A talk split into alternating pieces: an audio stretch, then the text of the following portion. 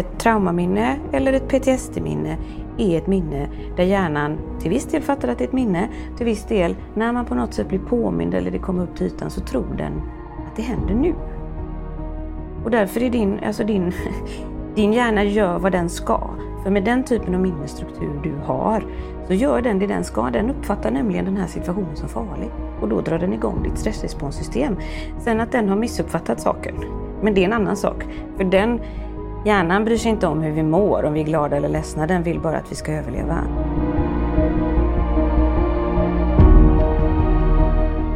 Välkommen till podden Mörkertalet. Jag heter Maria Larsson och är en social entreprenör med inriktning på brottsprevention och mänskliga rättigheter. Syftet med den här podden är att sätta ljuset på problem och hitta lösningar. Jag bjuder in gäster som har något att berätta det blir ett samtal där vi diskuterar utifrån våra olika kompetenser och erfarenheter.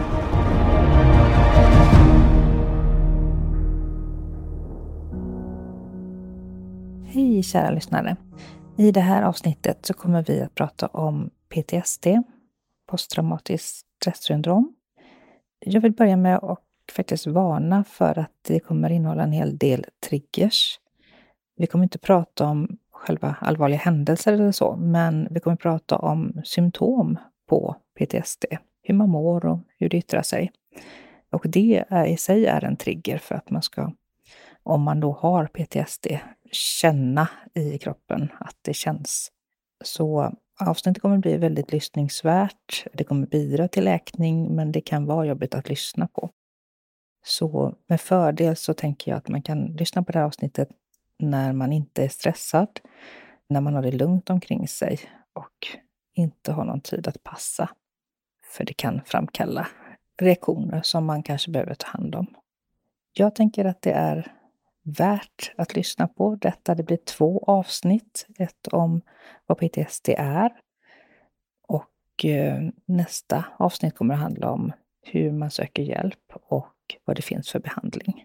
Så god lyssning! Så mina vänner, nu är jag på nya äventyr igen här. Jag ska hälsa på en eh, gäst, dagens gäst. Och ska vi se här hur det går. Det är ju så, när jag eh, är i Stockholm då spelar jag in på bästa Stray Dog Studios såklart. Men eh, när jag är på vift eller hemma så blir det via min egen utrustning. Så det blir lite annan kvalitet men jag får ju bästa hjälpen av eh, Stray Studio att fixa till det sen. Så att jag är inte så orolig över det. Ska vi se. Här ser vi något som rör sig. Hej! Kom in! Tack, tack! Hej! Ja, men tackar, tackar! Hisingen och Ångpannegatan. Hallå! Hej. Hej! Det hundra år sedan. Ja, precis. Du är dig lik. Du med! Vad skojigt! Ja, jätteroligt att se dig. Så, nu sitter vi i eh, mottagning, kan vi kalla det för. Bara för att bygga upp stämningen, vem som är den hemliga gästen idag. Det är faktiskt en mottagning i en kreativ studio.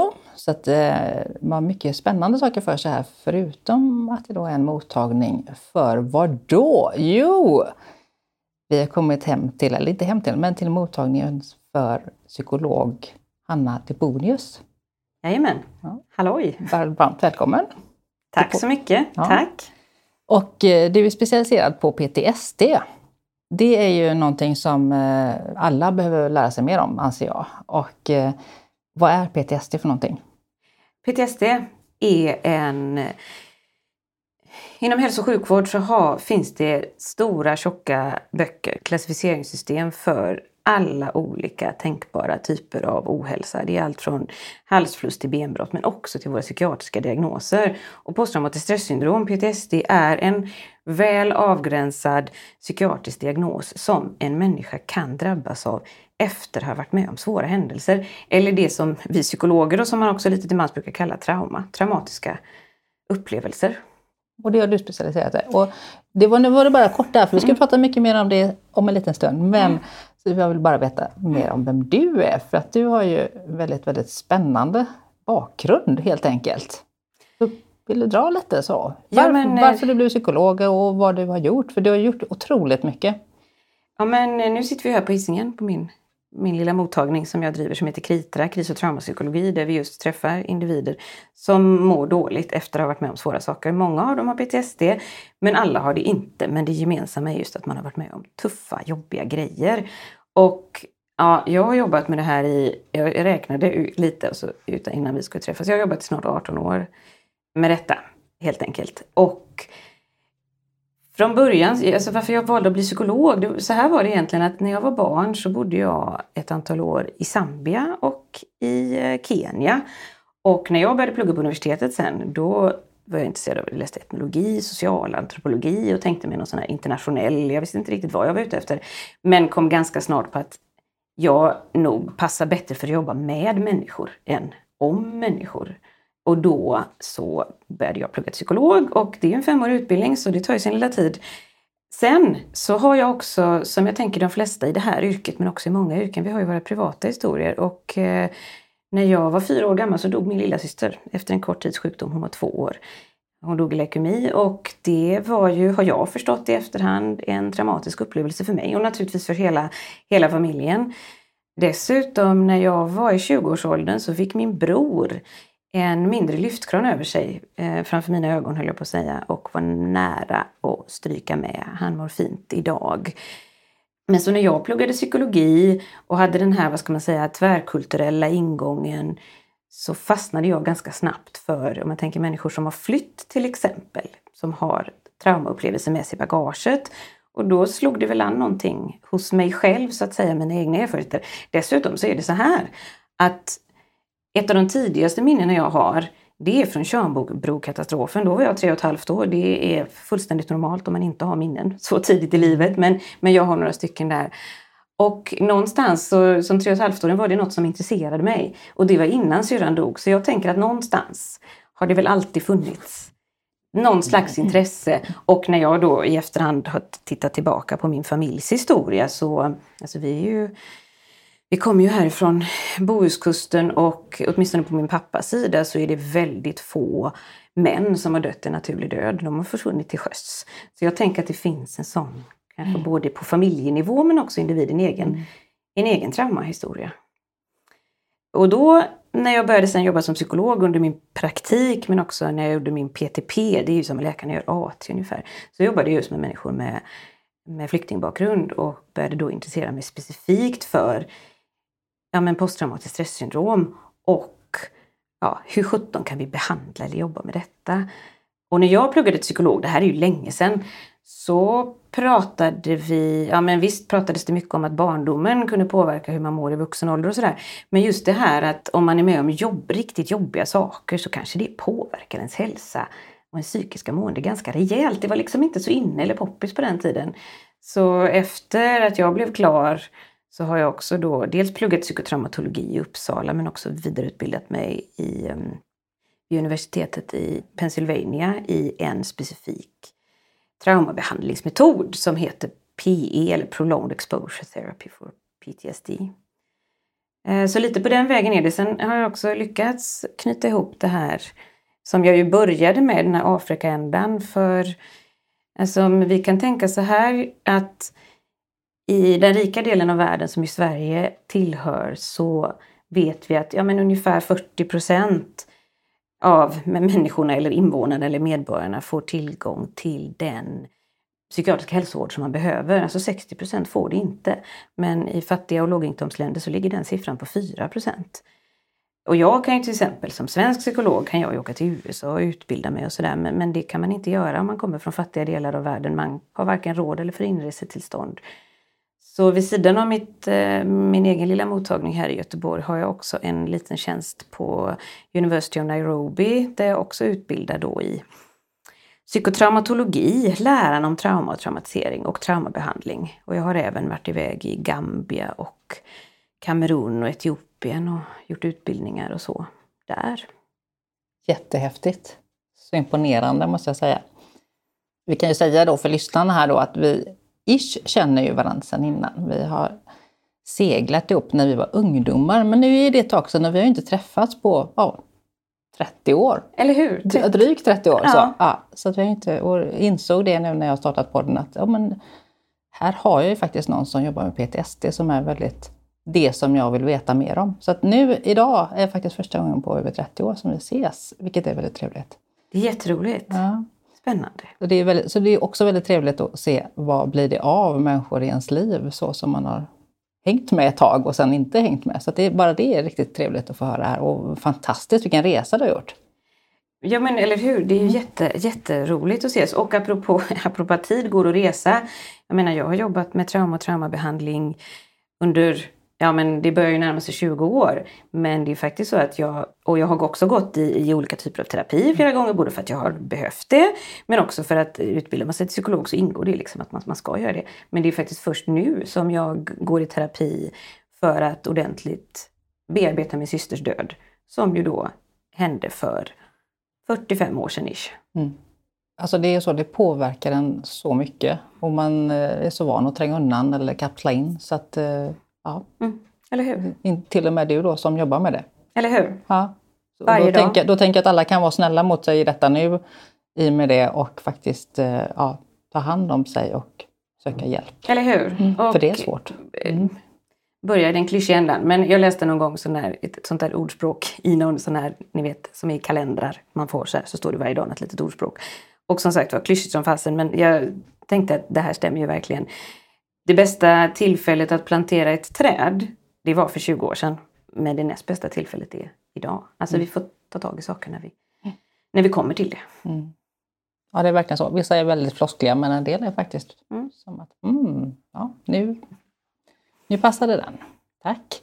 Ja, kul, kul att höra och fantastiskt. Vilken enorm liksom, insats du gör för att du utbildar de som ska hjälpa andra att läka.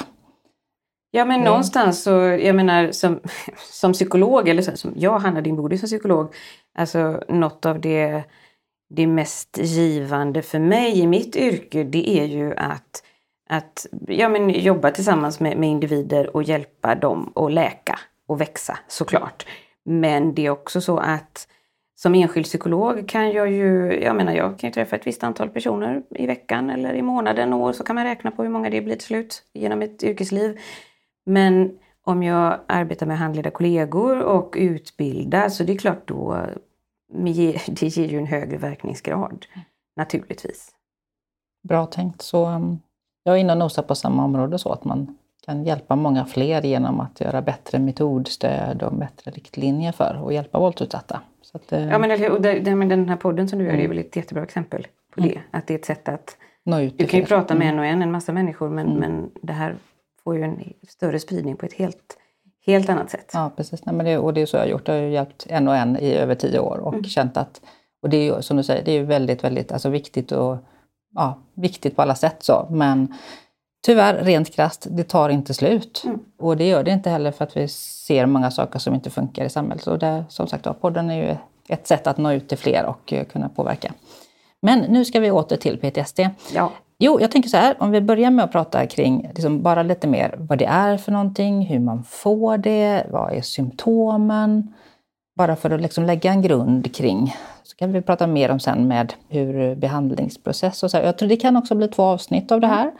Så att eh, vi ser hur långt vi pratar just nu. Ja men jätte, jättebra. Men, gr- men grunden så tänker jag i alla fall då. Så nu, vi drog ju lite i början där då, posttraumatiskt stresssyndrom. Men rent då kliniskt, hur eh, ska man börja med symptom? Eller? Ja, men man, man kan väl börja med hur man får det, mm. jag på att säga, Ja. kanske. Mm. För som jag sa förut så är det ju en specifik diagnos då som vi kallar det. Och nu blir det kanske lite fikonspråk, men jag tror att det kommer att bli Mm. tydligt. Men som är ett antal kriterier. Då. Det första kriteriet som vi vet är att, att man ska ha varit med om det som man kallar trauma eller psykiskt trauma. För att vi vet att den typen av upplevelser kan så att säga ge ja, men långvarig ohälsa på olika sätt. Och det är ju egentligen, det, det sitter jag här som psykolog och pratar om. Men jag tänker det vet ju vem som helst att är du med en, jobbig grej så sätter det ofta spår. Och då kan man ju börja, men vad är ett psykiskt trauma då egentligen? Och, och ena ingången att ha till det, det är ju att man kan tänka att det är de här olika typer av upplevelser som är utöver det vanliga och som vi alla är överens om att de är riktigt, riktigt hemska. Och som vi alla, om vi är med om dem, reagerar i stunden och i efterförloppet kraftigt. Och om vi tar det från det yttre hållet så kan man säga att det handlar om, om naturkatastrofer, allvarliga olyckor. Det kan vara saker som har med krig att göra, olika typer av våld, tortyr, misshandel, olika former av sexuellt våld. Alltså den här typen av saker som om vi människor drabbas av dem så reagerar alla eller nästan alla med någon form av krisreaktion helt enkelt. Dels när det händer så blir vi, vårt kampflyktsystem går igång så vi blir ofta väldigt, väldigt rädda. Eh, när vi blir väldigt rädda så kan vi ibland, vi kan också bli arga ibland och ibland så innebär ju rädsla att vi så att säga stelnar till eller fryser till is, hamnar i det som vi kallar freeze. Och att när vi är med om den typen av upplevelser, och det kan man ju, man kan ju vara med om en, en sak till exempel, en överfallsvåldtäkt, eller så kan man leva i en, en relation under längre tid där man blir sexuellt utnyttjad eller blir slagen eller sådär. Så det kan hända en gång eller det kan hända, hända flera gånger. Men, men det vi vet är ju att när de allra, allra flesta människor som är med om det, då reagerar man med att man får svårt att sova, man är stressad, man är nervös, man blir rädd, svårt att koncentrera sig, kanske svårt att komma ihåg saker. Mardrömmar och eh, alltså, påträngande minnesbilder, att det är svårt, att, svårt att inte tänka på något annat, vi blir upptagna av det. Och även flashbacks som ju är en slags speciell typ av, som vi ja, man kan kalla traumaminne, som är just det här när, när man i någon mån nästan upplever det som att situationen inte överallt det händer igen. Liksom. Och som sagt när vi människor är med om sådana saker, då reagerar vi alla. Sen är det så att de allra flesta av oss, särskilt om det är någonting som händer en gång, men även om man är med om flera jobbiga saker eller över tid, de allra flesta återhämtar sig över tid. Inom några dagar eller veckor eller månader eller år. Alltså man brukar säga ibland så här att människans inneboende förmåga till läkning är fantastisk. Precis som med benbrott tänker jag, alltså ett ben som, ben som bryts, det läker ju, det är helt otroligt.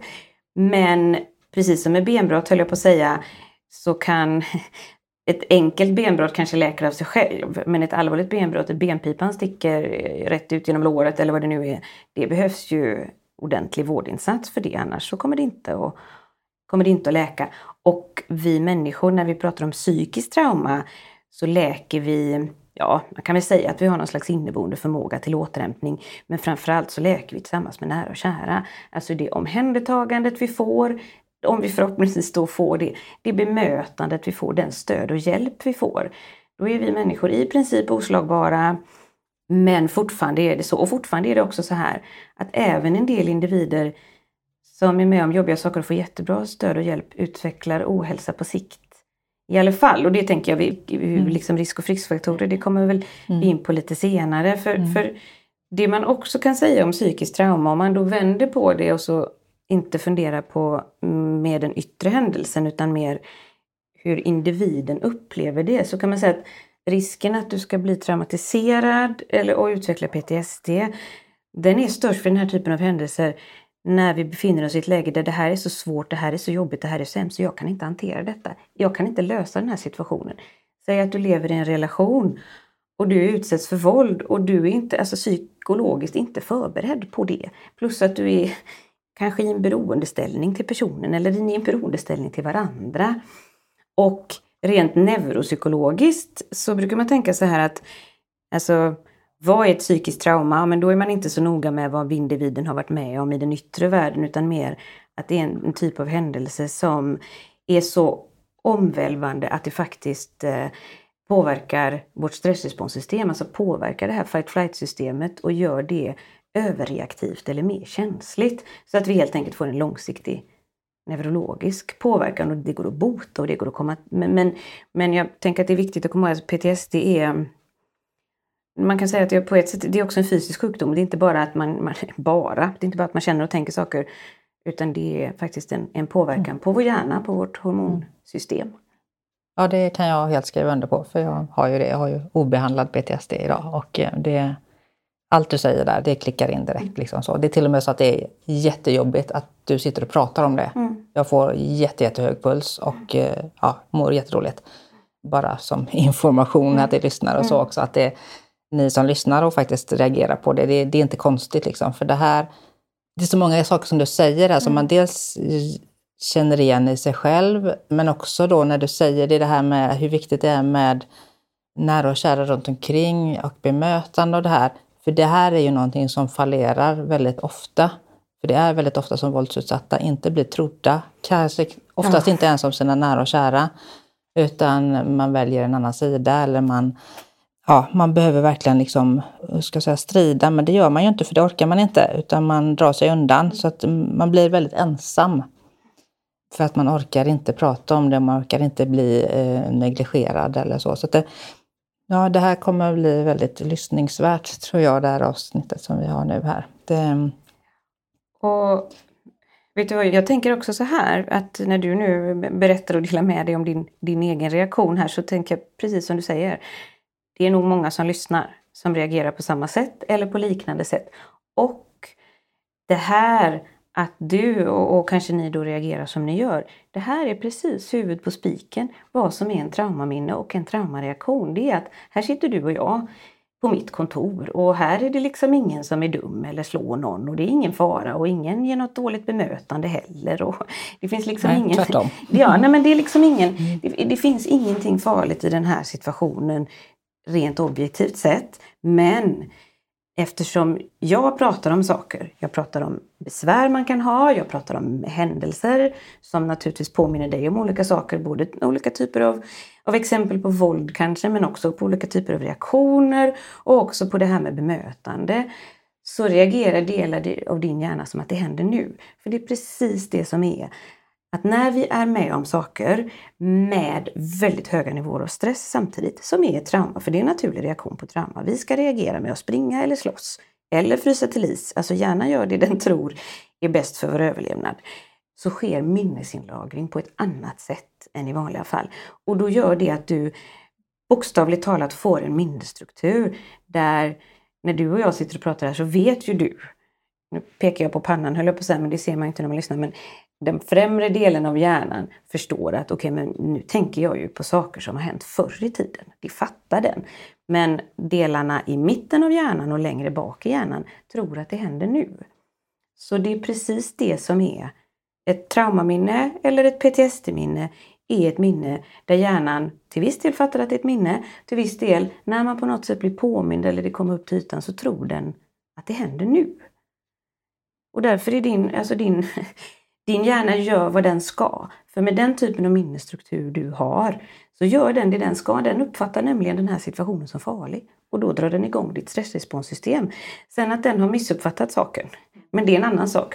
För den hjärnan bryr sig inte om hur vi mår, om vi är glada eller ledsna. Den vill bara att vi ska överleva. Och här, ett överreaktivt stressresponssystem, vid minskar tecken på fara så kommer det att gå igång. Antingen med att du blir rädd, orolig, stressad, för ångest. Alternativt då andra sidan av ett överreaktivt stressresponssystem så är det att vi stänger ner. Att nu blir det för jobbigt så nu känner jag ingenting. Nu sitter jag här och känner inga känslor och kanske inte ens mina fötter och ben för att det blir för tufft. Liksom. Ja, det är ju väldigt vanligt. Mm. Ja, jag tänker på trauma vi pratar om här. Mm trauma är ju grunden och jag är helt med dig som du säger att vi människor har en enorm förmåga att klara av hemska saker. Liksom. Både liksom i med naturkatastrofer, ond bråd död och våld och annat. Då, om vi har då personer runt omkring oss som stöttar oss på rätt sätt. Och som, alltså, som i, i sorg tänker jag, även om det är många som viker undan i sorgen när någon har dött till exempel, så är det ändå väldigt eh, man har rätt till sina känslor, man har rätt att sörja, man har rätt till att liksom ha sina eh, liksom, perioder av sorg och att det tar sin tid. Då. Men som våldsutsatt, om du inte blir trodd och inte bekräftad och inte liksom lyssnad på i de här, eh, så har man inte rätt till sin reaktion och den är otroligt skadlig. Mer skadlig än våldet man lämnade, anser jag då, för att man får inte den tiden att läka efteråt. Och det i sig är trauma. Ja, och jag tänker att det du säger här är jätteviktigt. Alltså, statistiskt sett så kan man säga att den enskilt viktigaste faktorn som då så att säga förutsäger om en individ drabbas av PTSD eller inte, det är typen av vad man har varit med om. Och där vet vi att det som, återigen då, statistik är alltid statistik, men det är sexuellt våld, fysiskt våld och hot om det. Det plus tortyr är det liksom som statistiskt sett ger störst risk att utveckla PTSD och särskilt när förövaren är närstående. Så är det liksom. Sen så finns det två faktorer till och det andra är, är hur mycket man undviker eller inte, men det, det kommer vi till senare. Men sen är det vilket stöd och bemötande du får. Så är det. Precis som du säger så är det, det kan inte nog betonas hur viktig den biten är. Och det är klart, det är viktigt för alla att veta det som inte har fått ett bra bemötande eller som kanske står inför att bemöta någon. Mm. Att det är förödande. Att inte bli trodd till exempel som du säger, att bli ifrågasatt. Precis som du formulerat inte, att på något sätt inte få rätten till sin egen reaktion. Mm.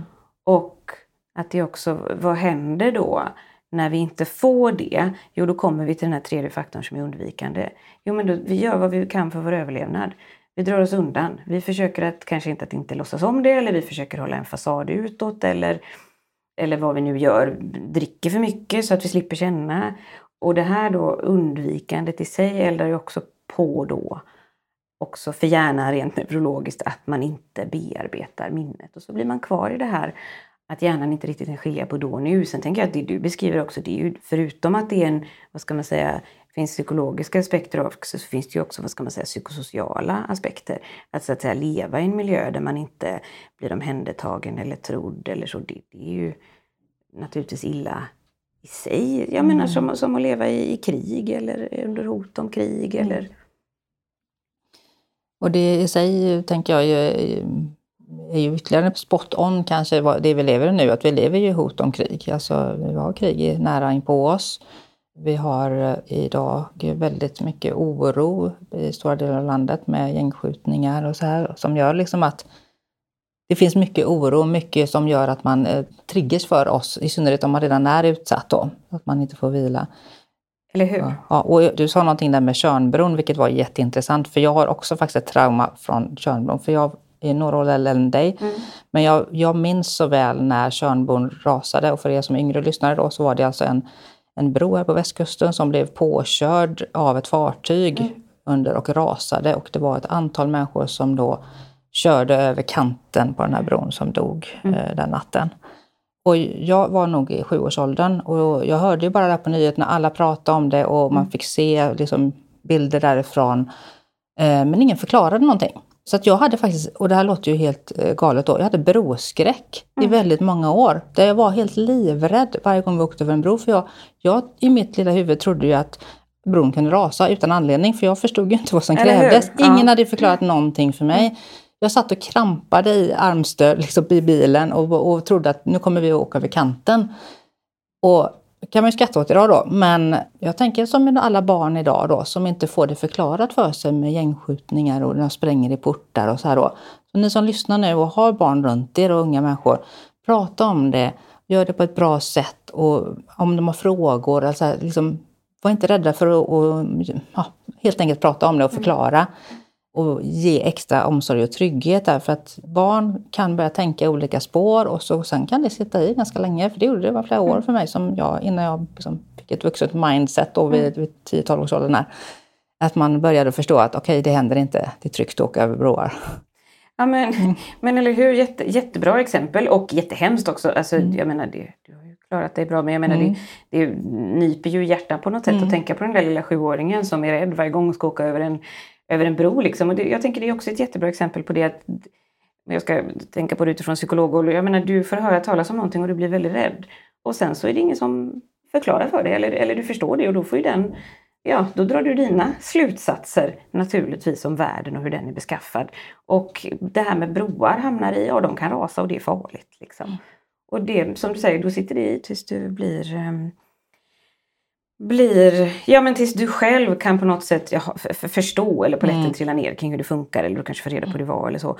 Och i vissa fall skulle man kunna tänka att om, om du av någon anledning hade levt ett liv där det inte förekom några broar överhuvudtaget eller så, så hade ju den Inte blivit så. Nej, då hade Men det kunnat nu stå bor helt- man på en ö och Då det är hade- massor ja, med broar ja, hela tiden. Då hade den liksom idén kunnat få stå oemotsagd och så Ja. första gången du som 53-åring ska åka på en bro så Ja. får du panik. Mm. Liksom. Så nej, alltså bemötandet kan inte nog betonas höll jag på att säga eller, eller överdrivas. Sen är det ju Mm. också så här såklart att jag menar när du berättar om att du har varit med om något jobbigt eller befinner alltså vad du som, som individ får för konkret bemötande i den situationen och i situationer runt omkring oavsett om det är från familj eller myndighetspersoner eller vad det är. Den är ju jätteviktig. Men sen är det också alltså på kulturell och samhällsnivå någonstans. Jag tänker du var inne på det lite när du liksom, alltså våld i nära relationer, alltså vad hur tänker man kring sexuellt våld till exempel? Har man idén om att ja, nej men eh, så är det ändå, är man kvinna så får man vara beredd på att sådana grejer händer. Eller ja, liksom, så som du är klädd eller du var på en fest, då är det ändå rimligt att det händer. Eller är man som vi kanske mer i vår kultur är lite efter metoo, att ja fast det är aldrig sexuellt våld, det är aldrig okej okay, oavsett omständighet till exempel. Så påverkar det också, alltså både vad vi har för uppfostran och vad vi har fått lära oss. Och sen, jag menar vad vi hör på nyheterna om olika saker och upplevelser. Till exempel. Vi är ju flockdjur, vi är, mm. vi är ju kulturella och sociala mm. varelser och gruppen vi befinner oss i. Som sagt var, särskilt vad gäller trauma verkar vi ha Alltså någonstans, jag brukar alltid säga så här och särskilt eftersom jag utbildar mycket i just behandling av, alltså både vad trauma är men också behandling av PTSD och sådär. någonstans, alltså man kan inte se på en människa vem som kommer att drabbas av PTSD eller inte. Eller så. Men och vi individer är ju på något sätt, vi ju vi är alltid unika och vem som helst kan drabbas av vad som helst. Men någonstans så blir det, som för mig som behandlare, som psykolog, när jag träffar en person så handlar det ju också om då, ja men alltså vem är du? Och vad har du för bakgrund? Vad är din historia? Vad finns det för erfarenheter där? Vad har du varit med om? Nu då i relation till trauma eller annars. Hur var det för dig då när det hände och hur har det påverkat dig sedan dess? Och hur mår du nu? Alla de, de sakerna blir ju, det är de som blir viktiga för mig och grunden för mig för att förstå just ja, men varför du mår som du mår och vilken typ av stöd du behöver.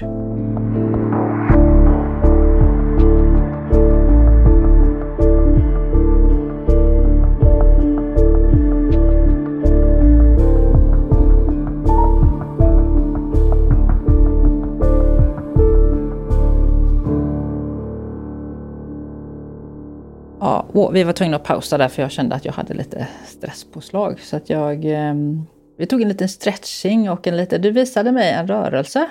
Eh, den kan vi berätta då. Ja, nej men för, för jag tänker så här att mm, jag tror att många av er som lyssnar på den här podden ni har säkert blivit, blivit triggade ibland av lite olika avsnitt men i, särskilt idag så kommer ni, ni kommer att bli det för jag kommer att prata en del om både olika typer av trauma men även när vi pratar om symptom så är mm. det typiskt sånt som, som våldsöverlevare eller traumaöverlevare brukar triggas av. Och det första som såklart är och som ju Maria här visar jättetydligt genom att berätta med det för henne, det är att det är normalt. Mm. Har vi den här traumatiska minnesstrukturen mm. där hjärnan inte i någon mån riktigt skilja på då och nu så blir du triggad. För mig som psykolog så är det också så här att om, om du skulle komma till mig och säga jag lyssnar på den här podden och blir triggad, då skulle jag tänka hmm, PTSD mm. kanske.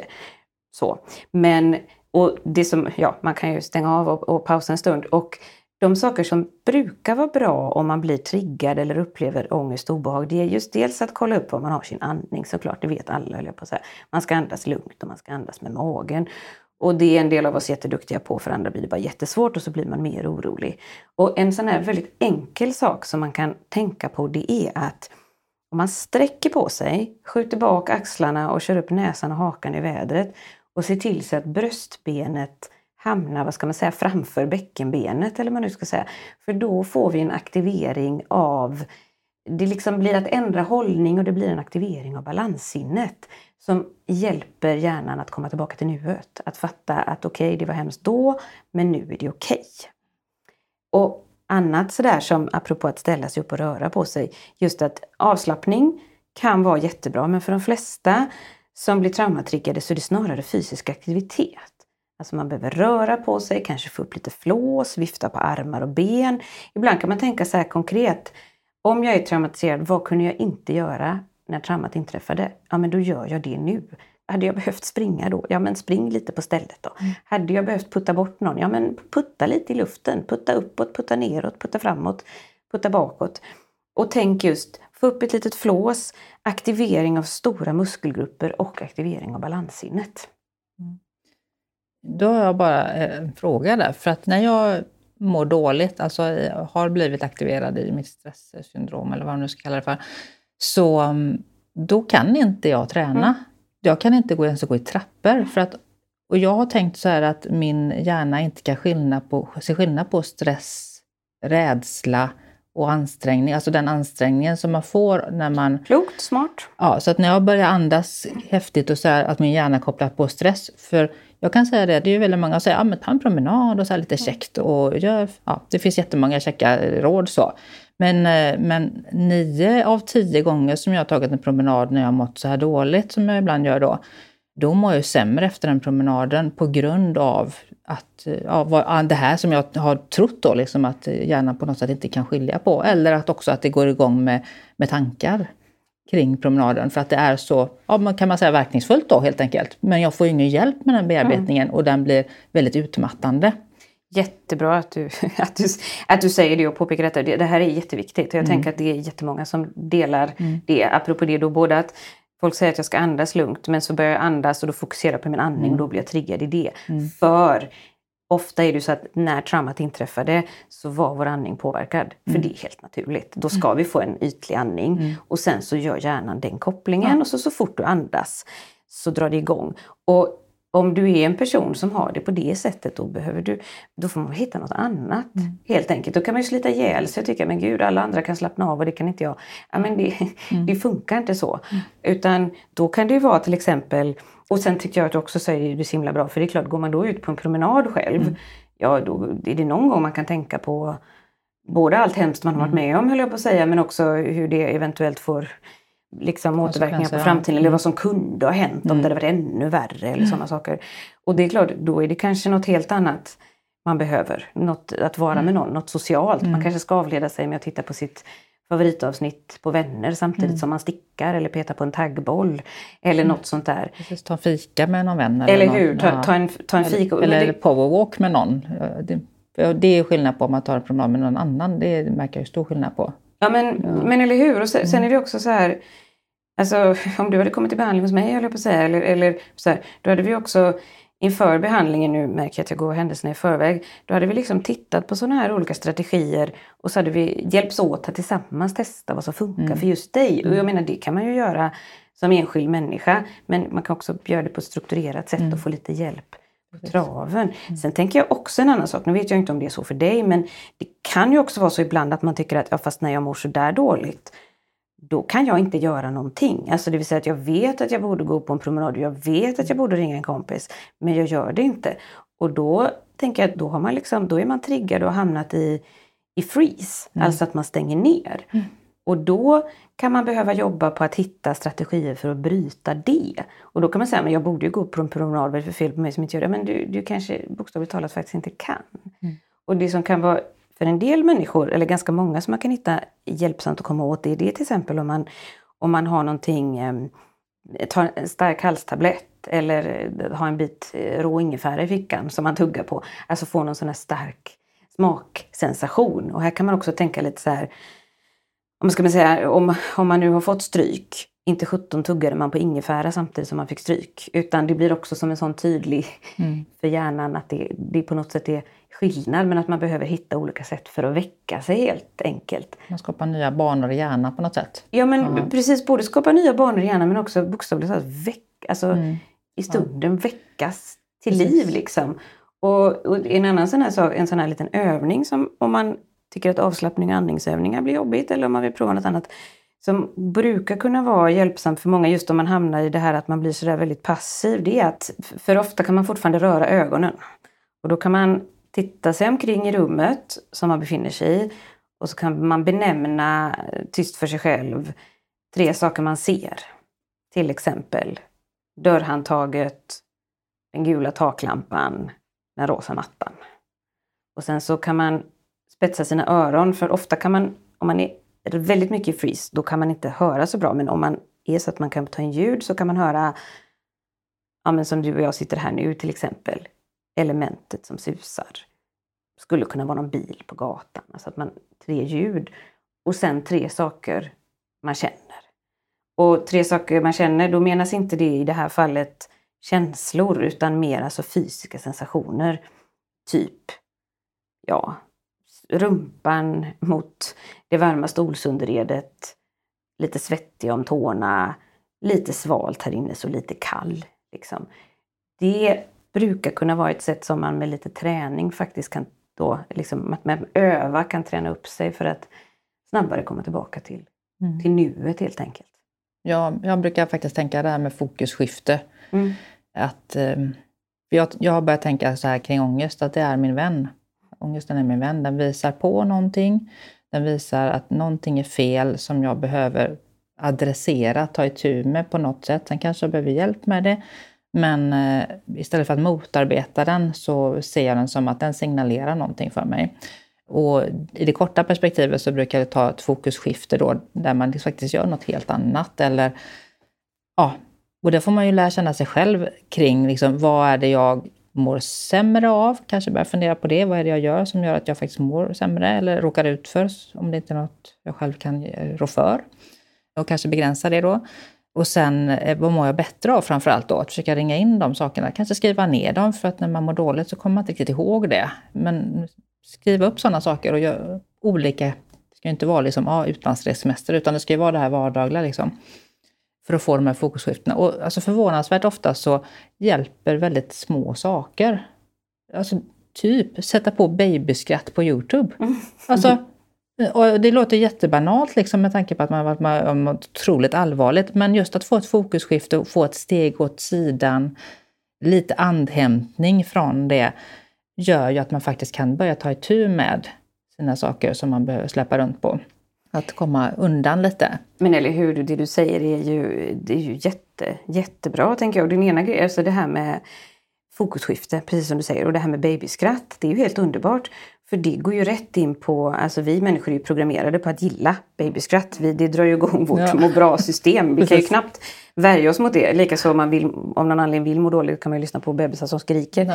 Liksom så. Så, så det är ju jättebra. Eller om gillar man hundar och katter kan man titta på det och så. För, för det går liksom nästan inte att värja sig rent neurologiskt mot det. Och sen, jag tänker att du sa något jätteviktigt och klokt där. Och, alltså, ja, men det kan man tycka är banalt för man har varit med om så jobbiga grejer. Men det är ju just det som är precis poängen att du har varit med om helt fruktansvärda saker, men de är inte just nu. De är inte, det, nu, nu är det faktiskt inte, alltså du kan ju ha en massa problem, men just här och nu så är du inte hotad till livet. Det är liksom inte farligt på det sättet. Och då kommer ju babyskrattet in där alldeles, alldeles perfekt. Den löser inte det stora problemet, men den får en att ändå må lite bättre just nu och kunna gå vidare i livet för att inte gå ner ytterligare i den här spiralen eller svarta hålet eller vad man nu kallar det för då, när man mår riktigt dåligt. Då. Så att, eh, mm, hitta dem. Du var inne och pratade om andningsteknik där och då kan vi bara nämna det då lite snabbt. Då. Och första gången jag hörde talas om det, det var ju också när jag kom och fick eh, brottsofferstöd. Och då säger den här kuratorn som var väldigt, hon var väldigt duktig. Och så säger han, ja men du ska andas i fyrkant. Och på riktigt så höll jag nästan på att ge henne en dansskalle för att jag var så... Ja, det låter ju hemskt, alltså, man ska, man ska inte bruka våld, men alltså man sitter där och man, ens liv är kras, man, man ser inte framtiden, alltså man har så mycket ångest och, det, och barnen mår skit, man vet inte hur man kan hjälpa dem. Alltså man lever timme för timme. Alltså det är inte ens dag för dag, utan det är timme för timme. Hur ska jag orka mig igenom nästa timme? Och så sitter den människan där och säger andas i fyrkant som att det var lösningen på någonting. Mm. Alltså, men då ska jag faktiskt säga det, att det, det hjälper. Mm. Det är, nu får du efter mig när jag berättar det här, berätta. Alltså andas fyrkant handlar alltså om att man andas in väldigt långsamt. Nu gör vi det tillsammans här. Vi andas in. Så håller man den andan några sekunder så här. Och sen andas man ut och då andas man ut väldigt långsamt. andas man ut. Och så håller man det, utandningen, lika länge som man har... Och så andas man in. Så håller man det en liten stund. Sen andas man ut. Och har man gjort det fem gånger så har du lugnat ner systemet, kroppen, och hjälpt den att komma ur den situationen och ge ny ett lugn så. Hur, vad tänker du?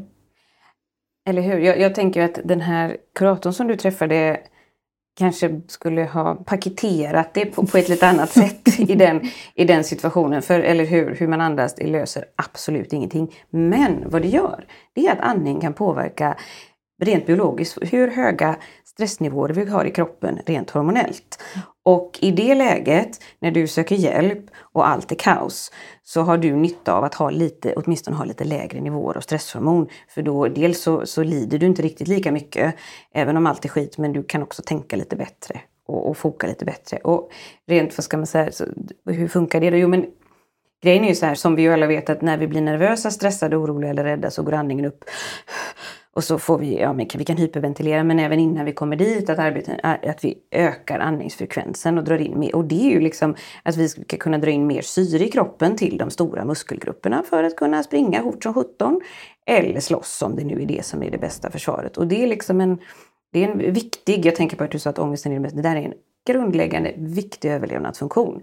Problemet är bara att hjärnan går igång på det sättet även när det inte finns något mm. vi kan springa ifrån eller mm. ingen vi kan slå.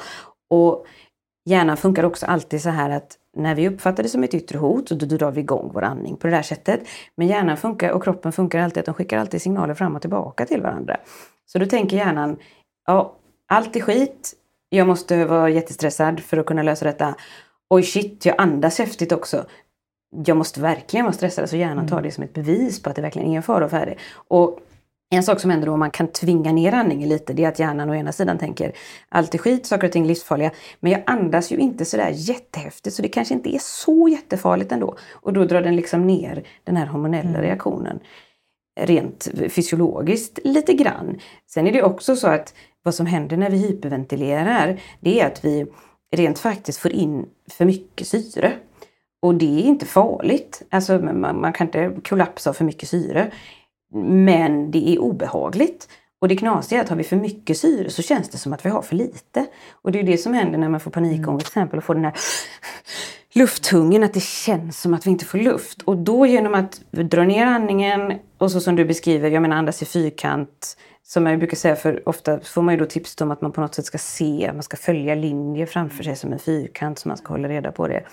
Då får man lite, och precis som du instruerade så himla bra, att man tar en liten paus och håller andan. Då ökar koldioxidandelen i luften, eller i andningsluften, och det behöver vi, för den ska, behöver normaliseras. Så det är ett jättebra, ja, bra om man kan reglera, hjälpa sig själv med genom att reglera sin andning så är det kanon. Och det är klart att en bra sak med andningen är att man har den alltid, man har den alltid med sig. Man andas ju alltid. Ja, men det är så fantastiskt att det faktiskt... Alltså, jag brukar gå och öppna ett dörr eller fönster och ställa mig och göra andningen. Mm. För då, då känns det som att man verkligen drar in frisk luft mm. och får eller hur? hjälp. Och, ja, då har vi skickat med lite andningstips och lite fokusskifte, eller rättare sagt vad det gör med oss. Ehm, och jag tänker också det att det här med andningen och fokusskifte och det här, det handlar ju både om att liksom få ner ångestkurvan, ångestnivån, men också då att ge oss tillgång till vår hjärna. För att liksom, kontentan av det här med ångest och allting, det gör ju att vi stryper ner hjärnan så att vi inte har tillgång till alla resurser vi har i liksom människohjärnan, utan den går ner till aphjärnan och blir det ännu värre till reptilhjärnan. Liksom. Och då har vi ju inte tillgång till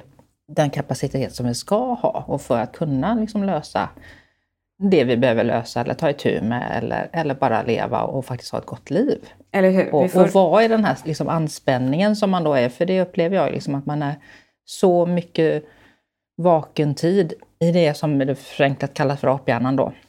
Där det är väldigt, väldigt, alltså ganska grunda reaktionsmönster och inte ett fullgott liv helt enkelt. Därför man har inte utrymme till det. Det är så mycket kämpa för att bara klara sig igenom dagarna. Precis, mm. precis. Så det är väldigt viktigt att man faktiskt, ja, men, om man känner att man inte klarar av att med hjälp av nära kära och liksom själv liksom ta sig vidare till de här stegen, att faktiskt må bättre och inte bara klara sig igenom dagen, då ska man ju söka hjälp. Och kommer prata mer om det om en stund, där, eller nästa avsnitt kanske. Vi får se hur det går till helt enkelt. Ja men eh, absolut. hur blir det nu? Nu har vi pratat om hur man får det. Mm. Vi har pratat om lite tips med andning och så här, hur man, hur man känner det. Men mer, kan vi dyka in lite mer i ja. symptomen här då? Hur? Ja men visst. Alltså, liksom, vad ska man säga, våra psykiatriska diagnoser rent allmänt, det är ju som om, om man går till till vårdcentralen för att ha ont i halsen, då tittar ju läkaren i halsen och, och, tittar i öronen kanske och ser hur det ser ut och så har man ett antal kriterier som man går efter och så gör man kanske en odling och är det streptokocker så blir det, då blir det penicillin och annars blir det inte det för då är det en virusinfektion. Och samma är det ju med våra psykiatriska diagnoser förutom att vi då inte har än i alla fall, vi har inga blodprov eller sånt vi kan ta utan, utan vi psykologer och läkare, man får gå på liksom patientens lidande eller de symptom som vi ju kallar det som man har. Och då, då är det vid, vid PTSD så är det tre olika grupper av symptom, kallar man det symptomkluster på psykologspråk. Och som sagt var, fyra blir det då egentligen, för först är det då att personen ska ha varit med om trauma så att säga. Och sen har vi efter det har vi tre olika grupper symptom. Den första av dem och de här, det är, inte, det är liksom utan inbördes rangordning, det är bara att de är beskrivna i den änden, eller i den ordningen. Liksom. Det är olika typer av symptom på återupplevande. Och det är just det här att vi har en, en hjärna som fullt ut inte riktigt kan skilja på då och nu.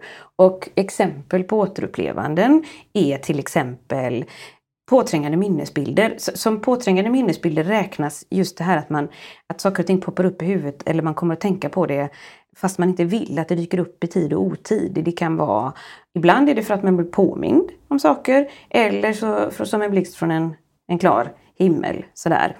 Mardrömmar är ett del på... Mar, drömmar är en sån här typisk sak. Vi människor bearbetar saker genom drömmar.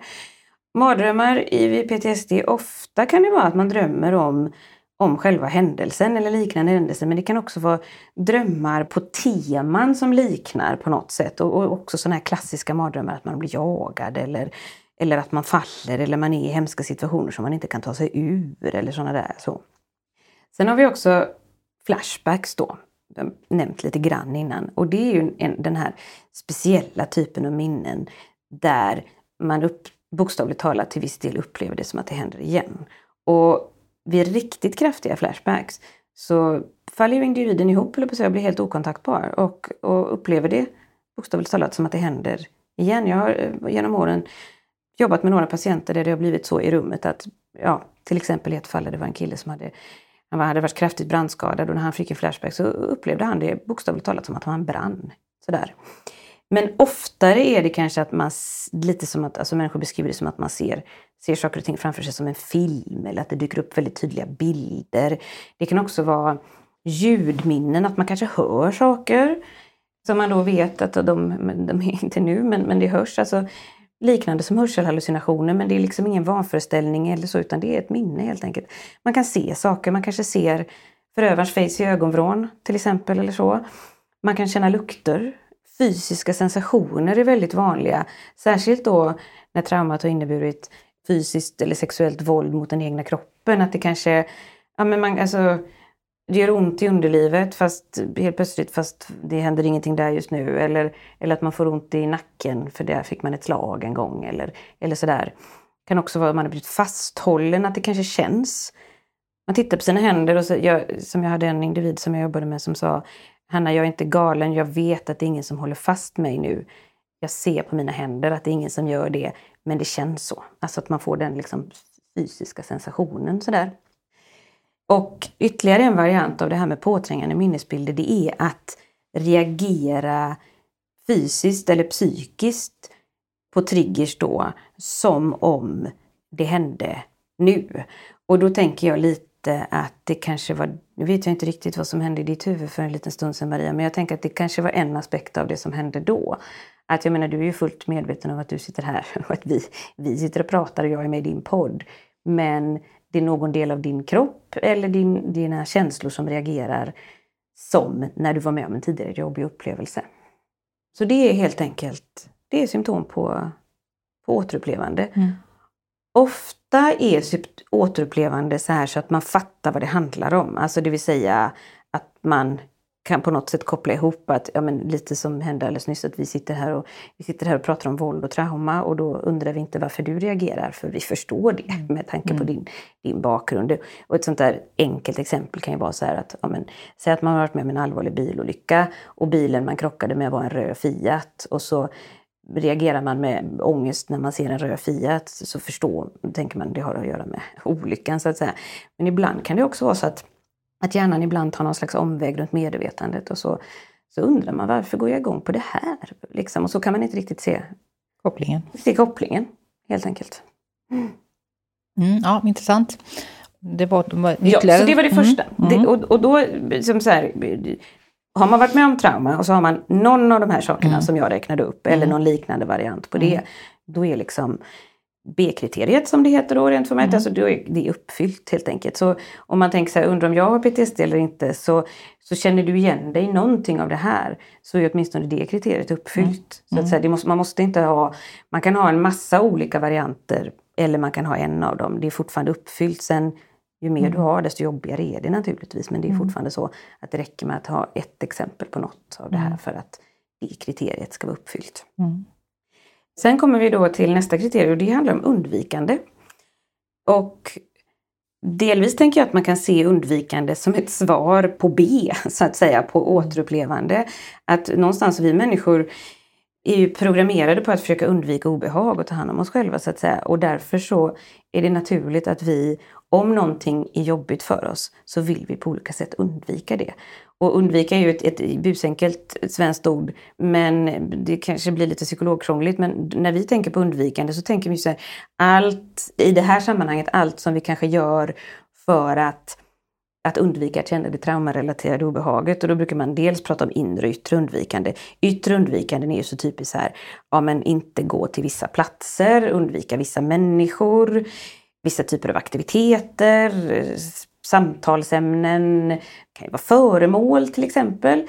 Olika saker som på ett eller annat sätt antingen att man är rädd för eller tycker är, är läskiga för att man tänker på något sätt att det här är farligt och har det att ha med traumat att göra då. Eller som att man kanske tänker att jag fattar att det inte är farligt. Säg att du levde med en person på en viss adress och han är inte kvar där och det är inte du heller. Och så tycker du att det är obehagligt att besöka den delen av stan. Då kanske du fattar att det kommer inte hända någonting där, det är ingen fara. Men det ger ett obehag. Och sen så det, handlar det också om inre undvikanden. Att så att säga att vi anstränger oss att så mycket som möjligt försöka att inte tänka på det.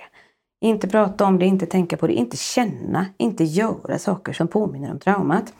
Och på ett sätt kan man säga att det är, den, det är det naturligaste och rimligaste i världen att vilja undvika.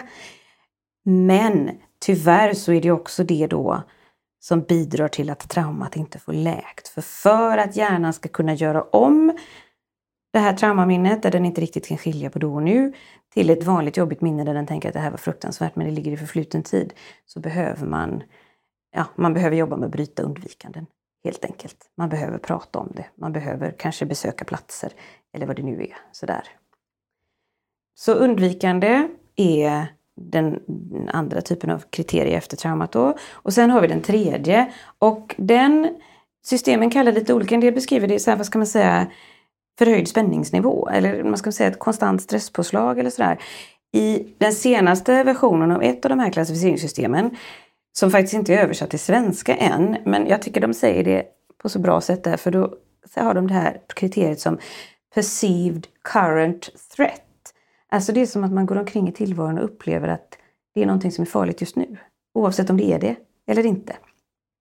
Och det tar sig i sin tur då alla möjliga uttryck som till exempel sömnsvårigheter, koncentrationssvårigheter, som du var inne på det här att när vi har ett ständigt stresspåslag så har vi ju tyvärr inte riktigt full tillgång till våra minnen och våra kognitiva funktioner fullt ut. För hjärnan prioriterar helt enkelt annat, den prioriterar överlevnad.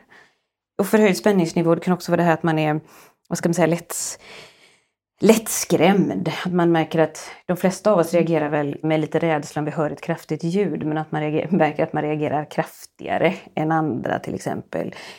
Förhöjd vaksamhet, att man man känner sig inte trygg någonstans. Man tittar ständigt efter nödutgångar eller liksom, ja, skannar av omgivningen efter faror helt enkelt.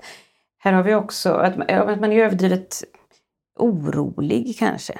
Och också lättirriterad. Alltså man tänker att det här är liksom som att man är lite grann i fight flight hela tiden. Då, går man ju, alltså då är man lite i flykt eller lite i kamp och då är man ju ilsk. Man, blir, man är lättirriterad och det är också helt, helt naturligt för man är lite kamptriggad helt enkelt. Eller så är man i freeze, det vill säga att man istället för att vara då liksom på helspänn eller ilsk så är man snarare avstängd. Att man helt enkelt inte känner så mycket. Och ofta, de flesta individer som har PTSD rör ju sig mellan de här, just när det gäller om man är mest är rädd eller mest är sur och arg eller mest är avstängd. Så det är ganska, alltså, man brukar röra sig mellan dem. Att man Ibland är mer avstängd och ibland är man mer rädd och ibland är man mer arg. Och det här ska ju inte förväxlas med det, jag menar, man, ibland blir man ju arg eller ofta när man blir arg så tänker jag att man är arg av en anledning, att det finns något att vara arg på. Men att man då kan tänka att man kanske blir, vad ska man säga, oproportionerligt arg. Eller alltså ett sätt som inte är till gagn för en själv. Topplocket flyger av fast man egentligen hade varit bättre om man kunde ha en lite mer konstruktiv diskussion där man satte ner foten. Alternativt att, man, att det här är kanske en, rimlig, en situation där det är faktiskt rimligt att vara lite orolig men man blir så rädd så man kan inte ens bedöma om det är rimligt att vara orolig eller inte för systemet går igång i sig själv på något sätt. Och det där är kriterierna för PTSD. Så om man kommer till mig eller någon annan som psykolog eller terapeut så är det de sakerna som jag är nyfiken på eller vill veta om för att kunna tänka just är det här PTSD, och i sådana fall traumafokuserad behandling som behövs här? Liksom. Mm. Ja, det var ju check i boxen för alla, för mig kan jag säga då, på de tre. Och mm, det var väldigt intressant att få höra, för det är ju så, du jobbar ju med det här.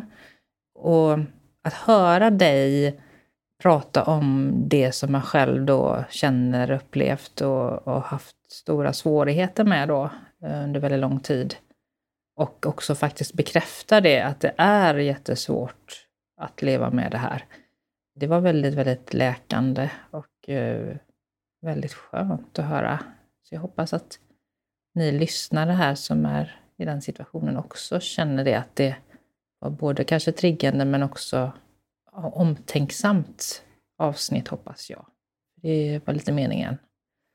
Ja, och det, jag menar, jag är ju jätteglad att det blev så för dig och att, det, att du säger det. Men, men för det är också nämligen så att i, nu går vi också händelserna i förväg lite, men när vi så småningom ska prata om behandling av PTSD så är ju en viktig komponent är att få lära sig om sina symptom, och alltså förstå sina besvär och förstå hur mycket som faktiskt hänger ihop med traumat. Och en del i det är att bara så att säga att, att bli bekräftad och att saker och ting kanske faller lite på plats, att man känner igen sig. Redan där så vet vi att läkningen faktiskt börjar. Sen är det också så att när man då kanske fullt ut får kläm på, jaha, har det här med min trauma att göra?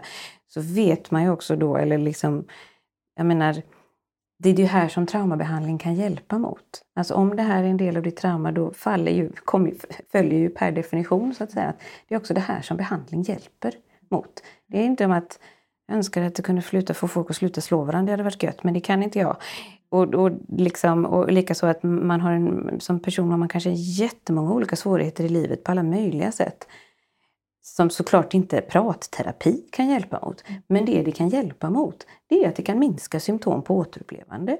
Eller till och med helt ta bort dem. Det kan minska symptom på undvikande eller helt ta bort dem. Och det kan minska förhöjda spänningsnivån eller helt och hållet kalibrera till en vad ska man säga, vanlig, normal spänningsnivå. Det är så. Det tar ju inte bort det som har hänt, men det tar ju bort reaktionerna på det. Konsekvenserna av det.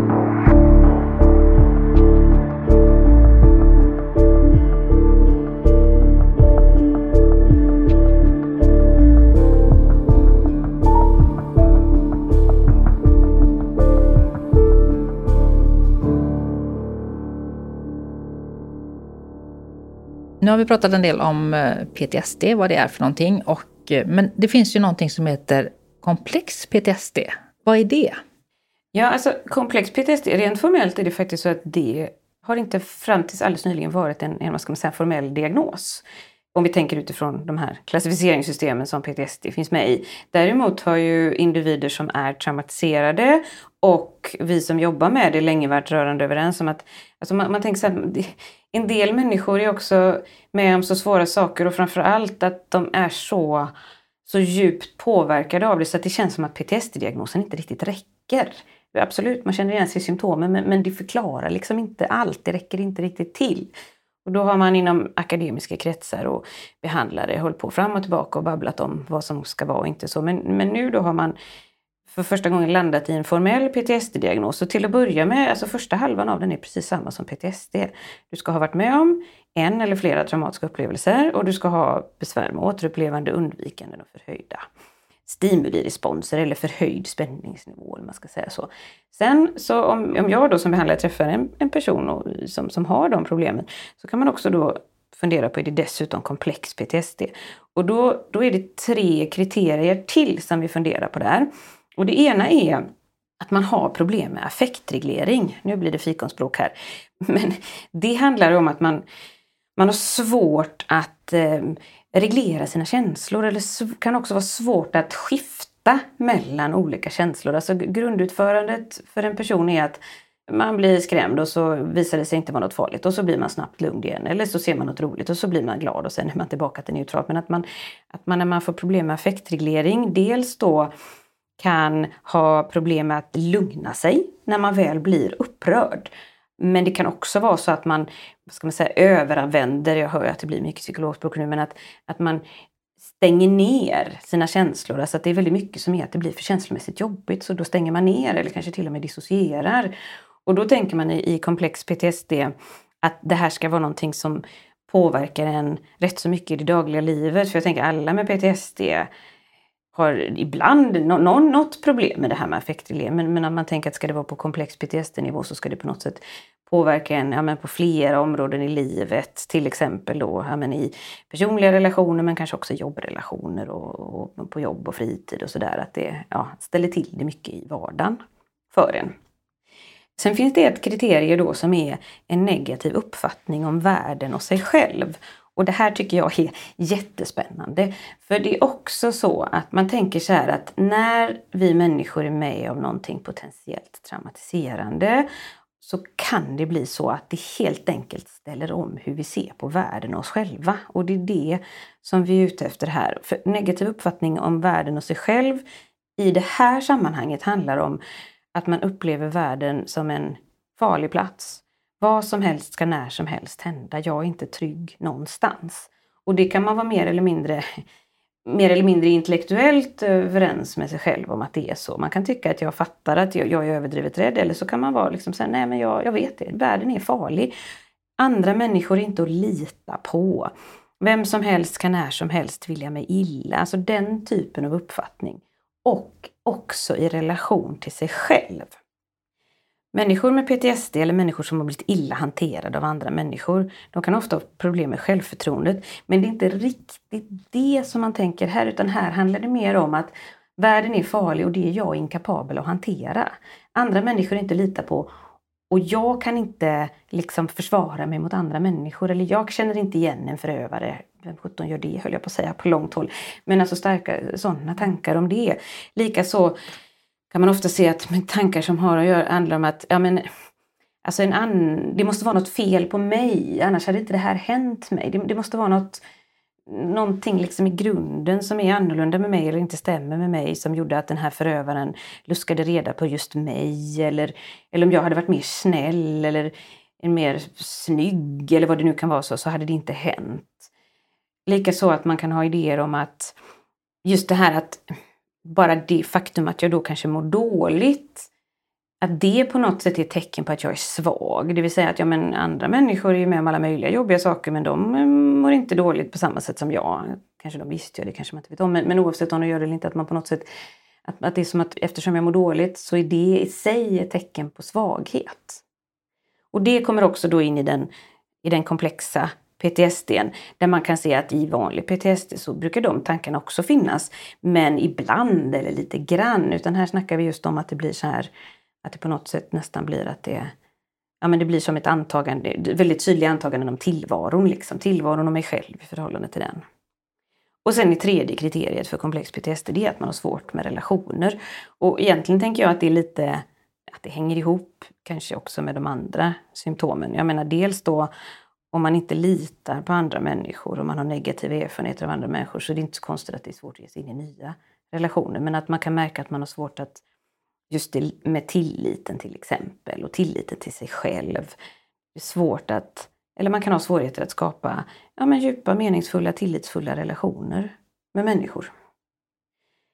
Så det är, det är komplex PTSD och komplex PTSD kan man, man kan få komplex PTSD och varit med om ett trauma.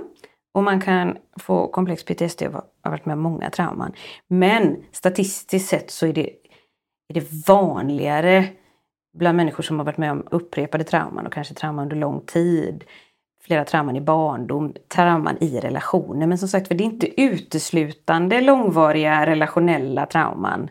Men det är mycket vanligare. Och jag tänker flera saker när du pratar här. Att det både det här med långvarigt trauma och uppväxt, liksom, att det är ju inte liksom, jag brukar tänka på kring PTSD, får du rätta mig om jag har fel sen, att det är antingen något hemskt som har hänt som påverkar en mycket, eller någonting väldigt, som du säger, att det är långvarigt, men inte lika liksom upp, på uppstuds jätteallvarligt då. För de flesta normala personer som inte har det och som eh, inte vet riktigt vad det är, så tänker man ju att det har med krig att göra och, och verkligen, alltså, ja, man, det är det man har förstått utifrån press och media och allt det här då. Men eh, när jag nu liksom pratar med människor och möter människor så märker jag liksom att det här är ju så oerhört vanligt. Och att det kan ha med, med en uppväxt med försummelse. En uppväxt med, alltså man tänker ändå att man, men jag har ändå haft en bra uppväxt, men har haft känslomässigt stängda föräldrar som inte har kunnat se barnet för den de är eller liksom uppmuntra eller liksom, du är en egen individ liksom. Att bara en sån sak som man då egentligen, de har ändå haft mat och kläder och allting där, men de har fått en känslomässig försummelse under hela sin uppväxt då. Att det också har varit väldigt skadande och att de visar ju tydliga tecken på att ha komplex PTSD. Ja, jag tänker det är jätteviktigt det du, du säger för att någonstans så att inte bli omhändertagen när man är liten, det är ju, det är ju jättedåligt. Likaså att vara utsatt för mobbning i skolan, att inte få med sig mm. det. Det är ju jättehemskt på alla möjliga sätt såklart. Och det har också tydligt eh, statistiskt samband med alla möjliga och omöjliga höll på säga, typer av psykisk ohälsa. Så, så, är det verkligen. Sen kan man också, om man ska vara inne och peta och förfina lite, så kan man tänka att man kan också man kan dela in traumatiska upplevelser i lite olika kategorier. Där man då tänker att det som man vanligtvis förknippas med PTSD, det är, ja, ett sätt att kalla det, det är chocktrauma. Det är de här, vad ska man säga, plötsliga, våldsamma. Och med plötsligt menar jag då att det kan ju vara att man får stryk flera gånger i veckan eh, under åratal, men det är liksom ändå på något sätt Ja, någonstans, det är ex, ofta explosivt när det händer och det är den här typen av upplevelser som man just tänker att de allra, allra flesta av oss, när vi är med av dem så reagerar vi, vi kraftigt. Olyckor, sexuella övergrepp, naturkatastrofer, olika typer av våld. Liksom. Framförallt fysiskt våld men även andra typer av våld. Och sen så har vi också någonting som brukar kallas för för utvecklingstrauma.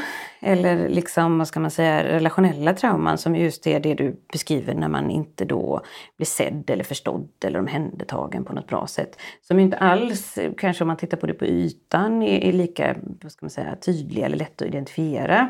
Och sen finns det dessutom en tredje kategori som kan handla om just sånt här som kanske är, är lite mer utanför familjen. Som ja men säg att du växer upp i ett du kanske har en bra familj och du kanske själv inte är med om någonting men du kanske växer upp i ett område som inte är tryggt. Eh, det kan ju vara i en förort i Sverige eller det kan vara i ett flyktingläger eller sådär liksom, där, där det finns jättemycket trauman fast de är lite inte sådär jättenära dig.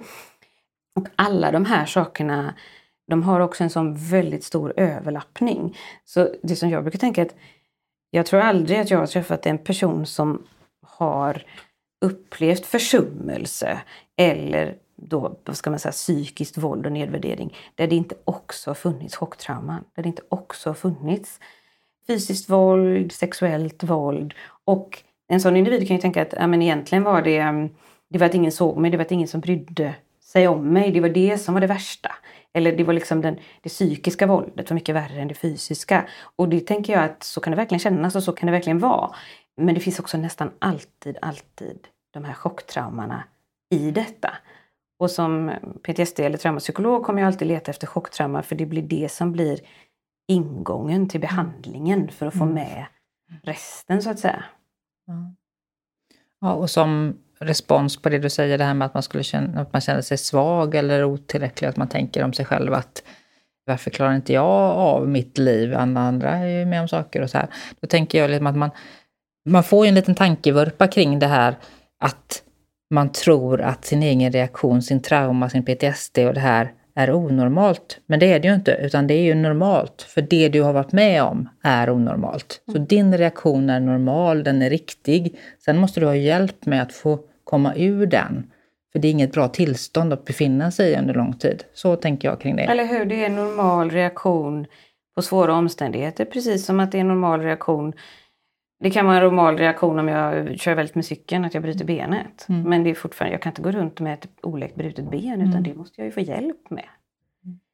Sen så tänker jag också att just när det gäller våld och våld i nära relationer och även sexuellt, både fysiskt våld, sexuellt våld, men säkert andra typer av våld också. Det här tänker jag, du kan mycket bättre än mig, men jag tänker på det här med våldets normaliseringsprocess. Mm. Mm. Att jag har många gånger i jobbet träffat klienter eller patienter som på något sätt Ja, senast häromdagen fick jag faktiskt en förfrågan. De sa, jobbar ni med den här typen av våld eller är det mer så här allvarligt våld, typ krig och sånt ni jobbar med? Och det liksom nyper sig lite i hjärtat på mig. För att jag tänker att leva i en relation där det förekommer fysiskt våld eller hot om fysiskt våld, det är jätteallvarligt. Mm. Det är verkligen. Och, och, sexuellt våld, och sexuellt våld kan vara våldtäkt men det kan också vara han är så jobbig när han är sur så då är det lika bra att jag ligger med honom eller henne. Mm. så blir det bra liksom. Mm. Och det är fullständigt förödande och det är spot on på A-kriteriet på PTSD-diagnosen. Det, det, är det som vi pratar om, potentiellt mm. traumatiserande upplevelser. Men människor som har levt länge i det kan ibland tänka att ja men det det var inte så farligt. Det var, det var väl inte så farligt eller, mm. eller liksom så. Men det är farligt, det är, jätte, det är mm. jättefarligt. Och jag tänker att apropå våldets normaliseringsprocess så, så är det väl en av dem att det är en, en, också en funktionell försvarsmekanism. Att inte fullständigt gå upp i hur hemskt man har det utan på något sätt att det här att, att inte riktigt se hur farligt det är, är ett sätt för att man ska orka, för att man ska överleva. Men det är klart det kan också ställa till det för en när det handlar om mm. att söka hjälp eller vård, liksom om man spelar ner det man har varit med om. Ja, men så är det. Och anpassning då som är, kan man säga, en förklaring av normalisering då. För normalisering är ju liksom att man vänjer sig, en tillvänjning vid saker som inte är bra för en helt enkelt. Och det är ju en anpassning och vi människor är ju fenomenala på det här. Vi kan leva liksom i klimatzoner som inte är så gynnsamma för oss och vi kan, vi kan alltså utstå krig och umbärande på många sätt för att vi är så anpassningsbara och det är någonting som får oss att överleva. Men i dysfunktionella relationer så är det livsfarligt för att där ska vi inte vara. Vi ska inte anpassa oss efter det här. Vi ska inte normaliserad, vi ska inte liksom vara kvar i det utan det ska liksom avbrytas det beteendet. Och det behöver man liksom hjälp med. Och det är också någonting som man behöver ta sig därifrån och man behöver få hjälp. Och den som utövar det behöver ju naturligtvis få hjälp med att sluta med det där. Och sluta med sitt beteende. Och det är ingenting som du som är nedbruten kan hjälpa den med.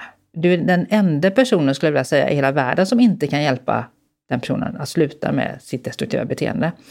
För du är van vid det, så att du kommer inte att kunna flagga upp för när det går överstyr. Och så. så att eh, de som tänker att ja, men, han kommer ändra på sig eller hon kommer ändra på sig eller jag kan hjälpa henne med det för att jag älskar den personen. Nej, du kan inte det. Utan du måste steppa åt sidan och ta hand om dig själv och låta eh, andra göra det jobbet. Och vill den personen ändra på sig och göra den resan så måste den göra det själv med hjälp av andra. Eller hur, det är jätte, jätteviktigt. För det är väldigt många som tänker liksom att jag ska stå kvar, jag ska vara kvar och så här, Och att det skulle vara stöd. För, och det är också väldigt ofta i en hållhaka också att om du hjälper mig med det här så ska jag bli bättre människa. Jag, ska då, jag måste ju få veta vad jag gör för fel och så här. Men det kan man inte. Som våldsutsatt så är du den minst lämpade personen i hela världen att hjälpa den andra att sluta med ett destruktivt beteende. För jag vet, det finns väldigt många som kanske lyssnar som är på väg att lämna, men inte gör det på grund av det här. Att man tror att man hjälper den andra genom att vara kvar. Det gör du inte. Ja men eller hur. Jätteviktigt. Och sen tänker jag en annan sak apropå det du pratar om här. Det är också det här att vi på något sätt ibland kan få för oss att att för att det stannar så blir det mitt fel. Alltså hjärnan kan göra de mest spännande vurpor, mm. jag på säga. Och de är inte ett dugg spännande, men som psykolog kan det vara lite spännande hur, hur människor ibland mm. kan få till det. Men på något mm. sätt att om jag skulle gå så borde jag gå tidigare, nu är det för sent. Eller, eller jag har ju också varit dum. Han slår mig men jag har ju också tvålat till honom några gånger. Ja det var ju inte bra att du gjorde, alltså det får ju, det får ju du mm. stå för. Mm. Kanske du gjorde i självförsvar, då var det ju jättebra. Men om det nu inte var det. Men, mm. men det är fortfarande så att i en ojämlik maktrelation blir man inte lika goda kålsupare. Utan Nej. det är en, mm. en är kålsuparen och en annan är... Mm. Och det är liksom inte... Utan jag tänker precis som du säger, man behöver såklart hjälp och med att separera ut mm. sig själv i mm. det. Från situationen, sammanhanget och den andra och se. Ja. Min förhoppning är ju liksom faktiskt att alla människor, även förövare då, ska bli hjälpta. Och vilja ta hjälp och faktiskt kunna sluta med de här shitty beteenden då. Men det tar tid. Och det är ingenting liksom som du som då känner att du är nedbruten eller så, att du du ska inte vara kvar i den miljön. Sen kanske det skulle, för nu säger jag så här, min förhoppning är att man faktiskt kan bli hjälpt med det här då. Men det tar sannolikt flera år. Och skulle du vilja dejta den personen igen om några år, så gör det då. Men äh, se till att inte vara i den relationen medan ni reparerar er båda två. Jag kan inte se att det skulle vara gynnsamt liksom för någon att faktiskt vara under samma tak med en person som inte har koll på gränser, beter sig kränkande mot sina närmaste. Lite så, upp på agendan helt enkelt med den punkten. Ja, då ska vi se vad vi har pratat om idag. Vi har pratat om PTSD, vi har pratat om trauma och vi har pratat om lite definitioner av med hur man definierar PTSD och eh, kliniskt då. Och sen nu även nu sist här då komplex PTSD. Superintressant att få tala med dig och eh, jag tror det får bli lite avslutning av ett avsnitt här. Och så går vi vidare med behandling i nästa. Det här blir ett jättelångt första avsnitt. Men eh, tack för idag. Tack själv. Det här blev ett långt avsnitt och eh, jag känner mig ganska mör. Det här var mycket värre faktiskt än jag trodde. Och bättre. Det var oerhört både smärtsamt och läkande att lyssna på Hanna när hon berättade om vilka symptom man har som jag känner igen mig i. Och ehm, ja, men hur det yttrar sig helt enkelt och vilka verkningar det har i ens liv. Som jag absolut är medveten om men eh, har tänkt att ehm, det är så det är och att det går inte att göra någonting åt det. Så det var ju väldigt, väldigt upplyftande faktiskt att få höra att det finns eh, möjlighet till läkning. Och det ska vi såklart då samtala om i nästa avsnitt då. Som kommer att vara fokus på hur man söker hjälp, vad man säger när man ringer till vårdcentralen och ehm, hur behandlingen går till. Så det blir också väldigt lyssningsvärt. Tills dess, ta hand om er. Om du känner igen dig eller förstår att någon i din närhet är drabbad så finns det mer information om vart du kan vända dig i beskrivningen till det här poddavsnittet. Om du tycker att vi tar upp viktiga frågor och vill att vi ska fortsätta att prata om mekanismerna bakom våld och övergrepp och vill vara med och bidra, då gör du det enklast genom att swisha till 1234 63 73 10. Eller om du vill sponsra ett eller flera avsnitt, då hör du av dig till mig på e-mail hej mörkertalet.nu och då är det mörkertalet med Ö. Varmt tack för det!